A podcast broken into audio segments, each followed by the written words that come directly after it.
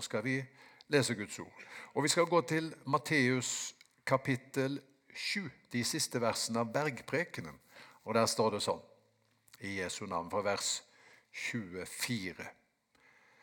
Forresten, Hvis du vil ha en overskrift, noen syns det kan være kjekt å ha en overskrift, så skal jeg tale litt om å være en Jesu lærling. En disippel, en etterfølger av Jesus. Og eh, jeg har jo, du kan få det, jeg har en veldig fin definisjon egentlig på hva det vil si å være en kristen. For en kristen og en disippel er jo det samme. ikke sant? Så hva det vil si å være en eh, kristen eller en lærling, da, det er følgende. Det er å lære av Jesus å leve mitt liv slik han ville levd det hvis han var meg. Er ikke den fin? Jeg skulle ønske jeg kunne si at jeg kom på den sjøl, men det har jeg ikke. Det er en som het Dallas Willard, som har hatt stor innflytelse som en åndelig mentor over hele verden. Skrevet mange bøker. Jeg hadde gleden av å sitte ved hans kateter får jeg si, en hel uke i en liten klasse. Og det var utrolig givende. Og da sa han følgende definisjon. Å være en disippel, det er å lære av Jesus å leve mitt liv slik han ville levd det hvis han var meg. Ja. Så det er liksom innsteget i denne teksten. Vær den som hører disse mine ord og gjør det de sier, ligner en klok mann som bygde huset sitt på fjell. Regnet styrtet, elvene flommet, og vindene blåste og slo mot huset. Men det falt ikke, for det var bygd på fjell. Og vær den som hører disse mine ord og ikke ikke gjør det de sier, ligner en uforstandig mann som bygde huset sitt på sand. Regnet styrtet, elvene flommet, og vindene blåste og slo mot huset. Da falt det, og fallet var stort. Amen. Herre, takk at vi får samles til gudstjeneste. Takk for eh, Vegard og Kristian som leder oss i lovsang. og og vi er glade for å kunne lovprise ditt navn. Og når vi nå er her for ditt ansikt, så ber vi at du skal tale til oss. For vi har hørt ordet ditt, og det var ikke bare et ord som lød, men det er et ord som lyder. Du taler gjennom det skrevne ordet til oss i dag. Så dette er ditt ord til oss. Og Derfor vil vi spisse ørene, Herre, når vi, når vi tar imot det. Så møter oss du i formiddag. Amen. Jeg vet ikke om du har hørt det der uttrykket 'Vesten mot resten'. Har du hørt det? Vesten i motsetning til resten. Det er faktisk eh, forfattere, skribenter, forskere med ulik bakgrunn og liksom eh, med ulike fagområder som har studert dette. her. Hva er grunnen til at den vestlige verden på så mange måter utvikler seg raskere på, og, og bedre på samfunnsområde etter samfunnsområde sammenlignet med verden for øvrig? Det kan eh, dreie seg om skoler og universiteter om sykehus og helsevesen, om eh, økonomisk utvikling, forskning, vitenskap, menneskeverd, synet på kvinnen eh, Alle disse områdene her, så utviklet Vesten seg så mye bedre eh, og mye mer positivt enn resten av verden, faktisk. Og så har man lurt på hva er grunnen til dette, da? Og da sier man grunnen er Bibelen. Og grunnen er Jesu fødsel. Så jeg har eh, ganske mange bøker hjemme om dette. Det er en pastor som heter D. James Kennedy. Han har skrevet en bok som heter 'Hva hvis Jesus ikke hadde blitt født?' Kanskje har du den i bokhylla di, du òg. Den er utgitt for noen år siden. Og du har den? Har du lest den nå? Ja, den er bra, ikke sant? Ja, veldig god. Og så er det en annen bok. Eh, den kom ut for lenge siden. En annen bok som, eh, som ikke ble gitt ut for så mange år siden, som er kommet ut på jeg tror det er eh, Proklamedia.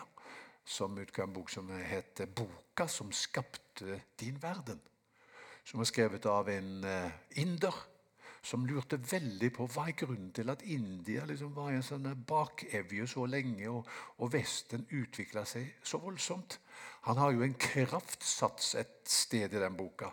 Han sier at eh, jeg skjønner ikke hva forskjellen For når jeg ser på historien, så, så ser jeg at eh, mens hinduprestene lå på spikermatte, smurte seg inn med kumøkk og røykte marihuana, så bygde munkene i Europa universiteter.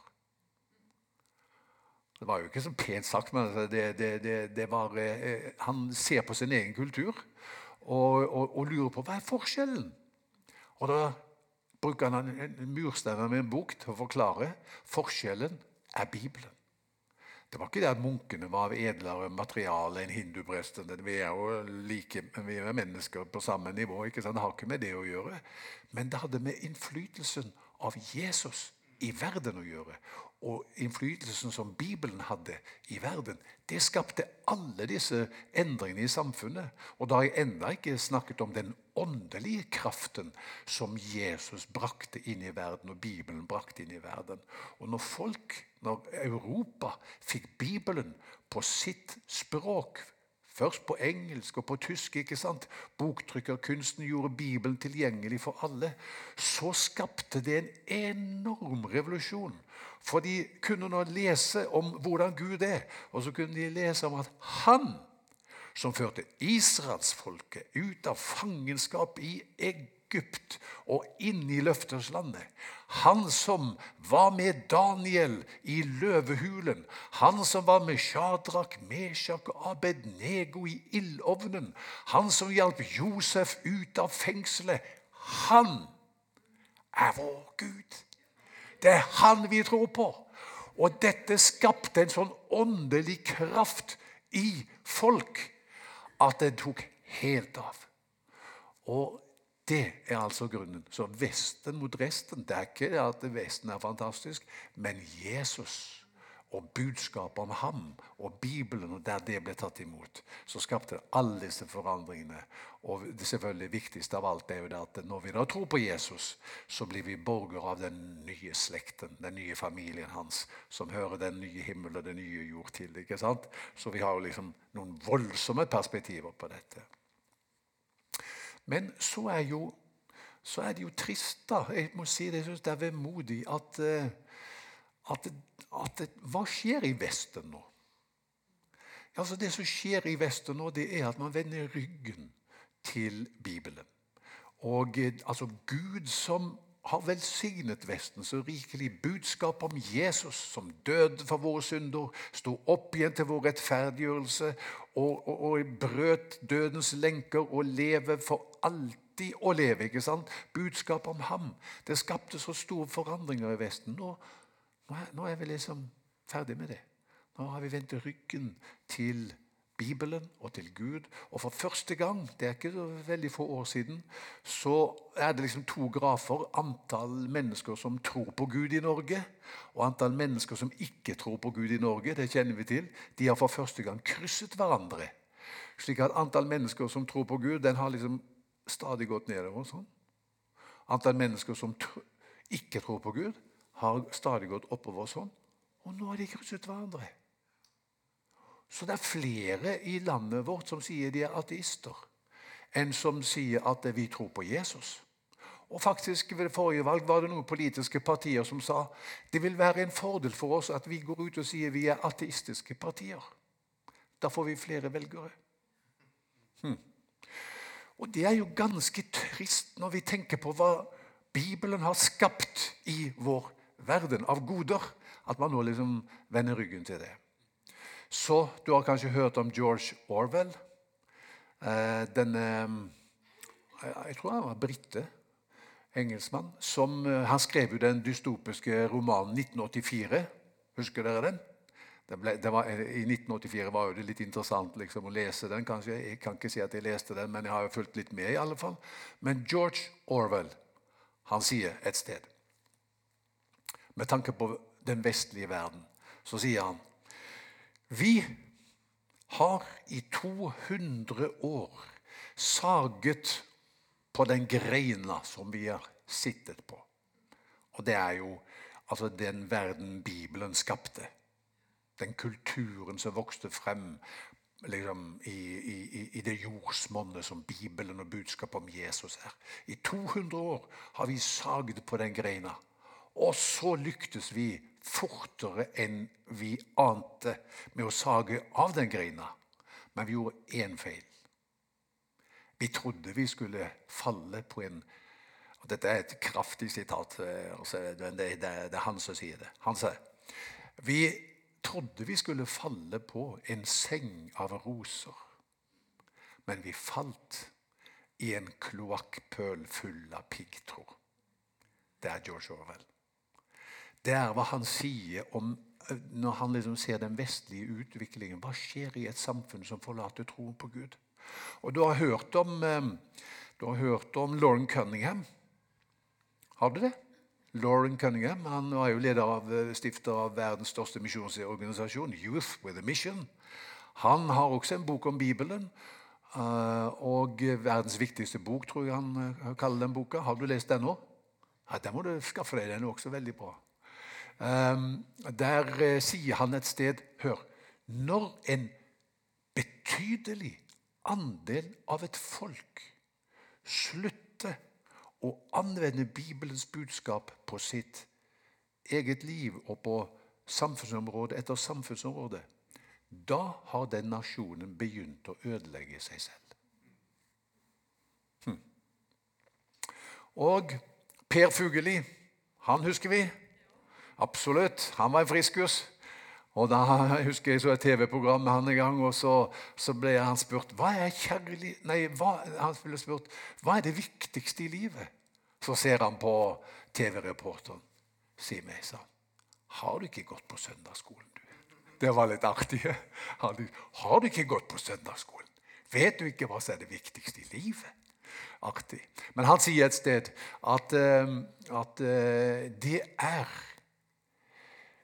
hundretusener i sum i Norge som bærer på samfunnsmedisinske symptomer på at Og så har han et sitat fra Shakespeare, og jeg tror det er Hamlet.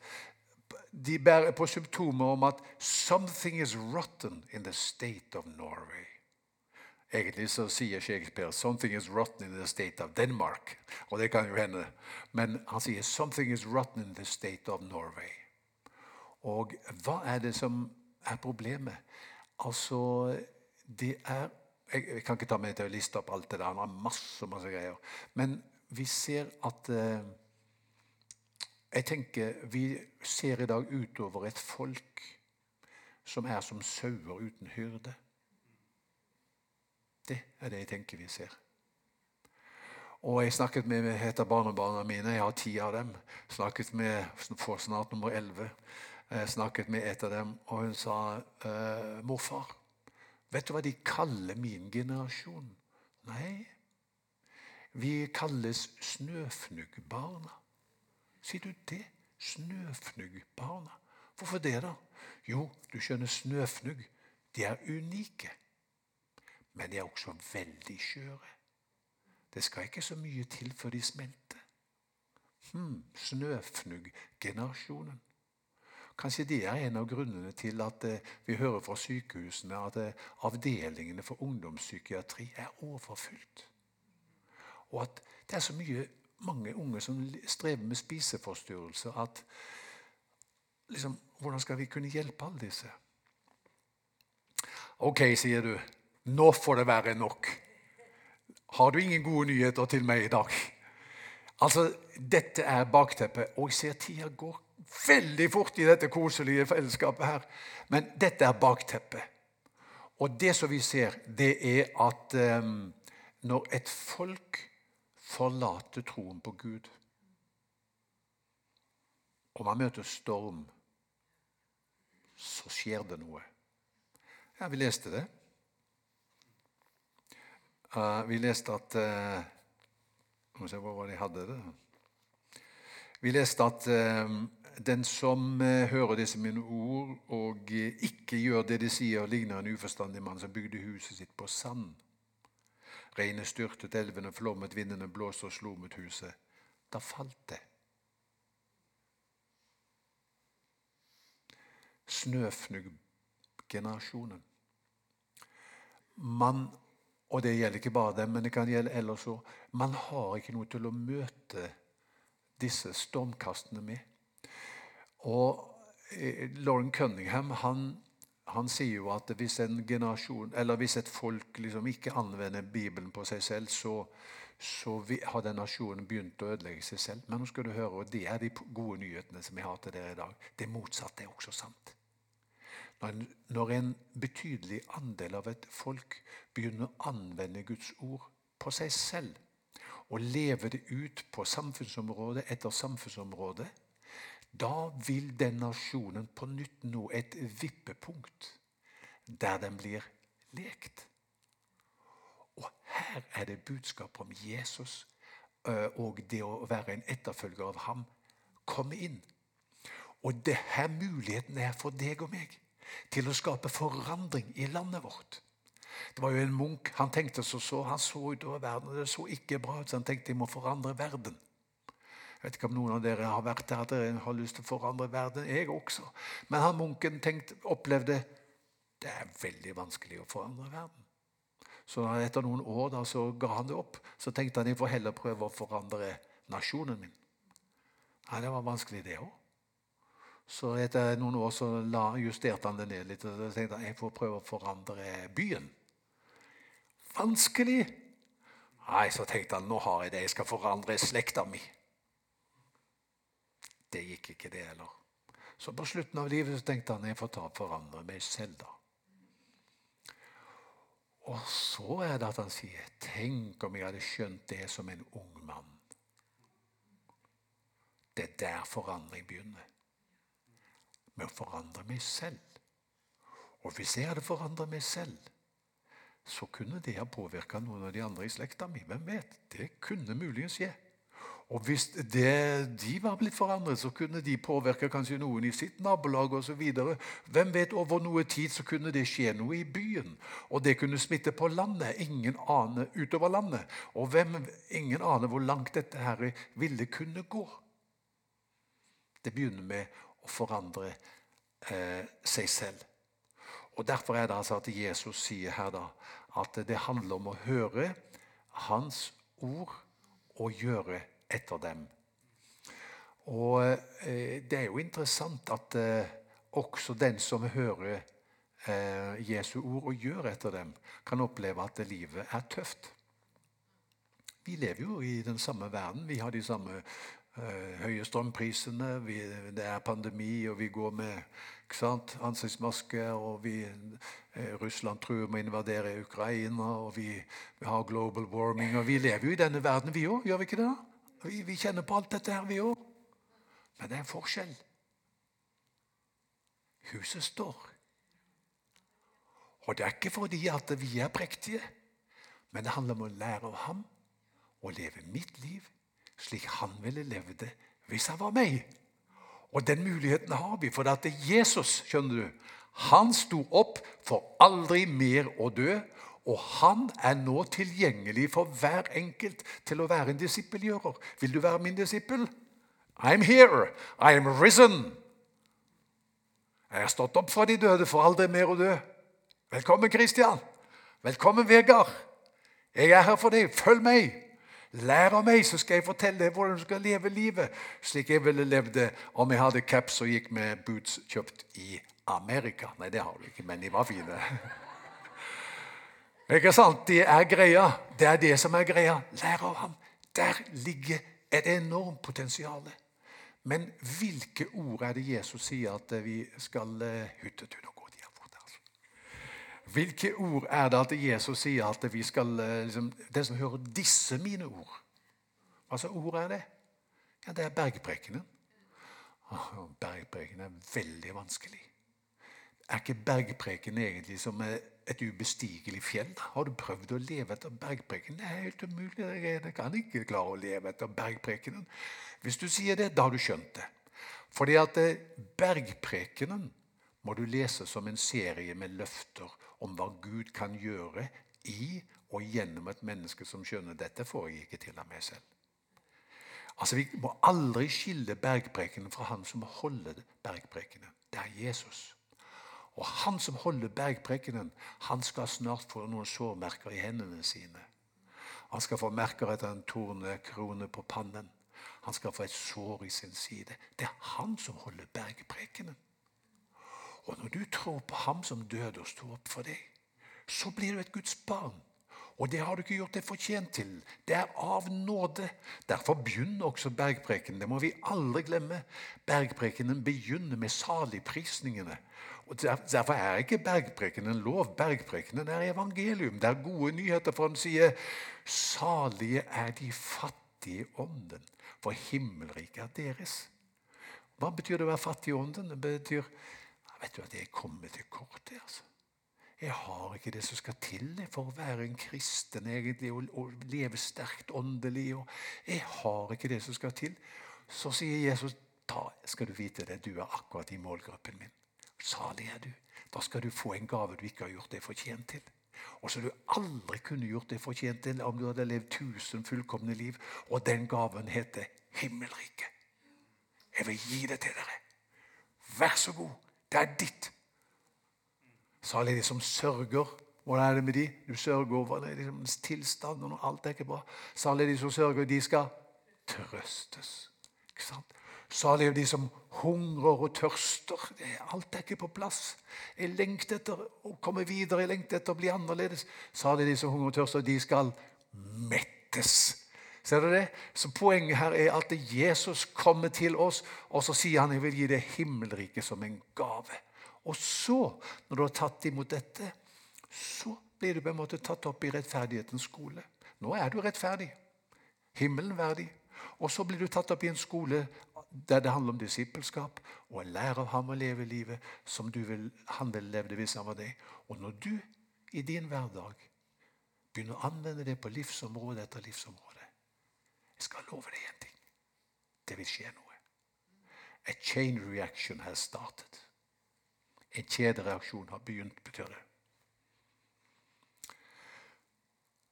Da er det en kraft. Jeg vil si Noe av det viktigste Jeg går inn for landing nå med å si at noe av det viktigste som eh, kona mi og meg og jeg gjør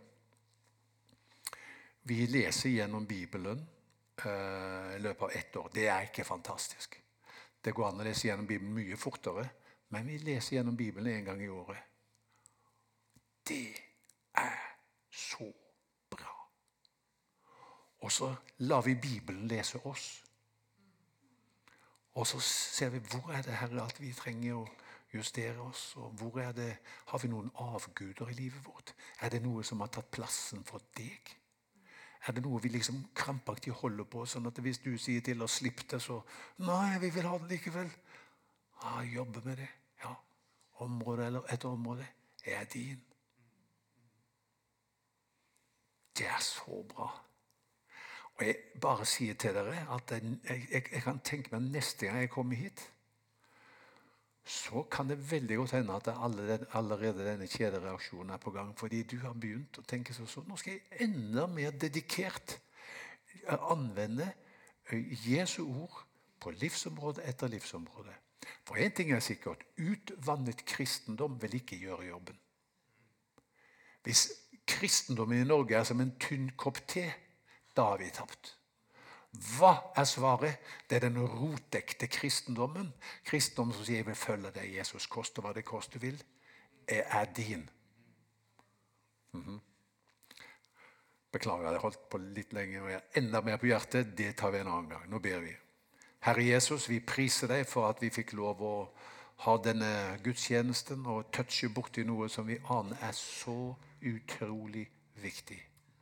Takk, Herre, at det kan bli forandring i landet vårt. Og Når eh, noen hus faller eh, omtrent som korthus i landet vårt, og vi ser det er mye lidelse, så ber jeg Herre at vi skal få lov å stå fram som en by på et fjell. Å, Jesus, takk for at du skal velsigne denne menighet. Så folk skal komme strømmende til denne menigheten fordi de kan, skal si vi ser på livene deres. Dere har noe som ikke vi har. Og vi takker deg, Herre, for at du skal velsigne denne flokken. I Jesu navn. Amen.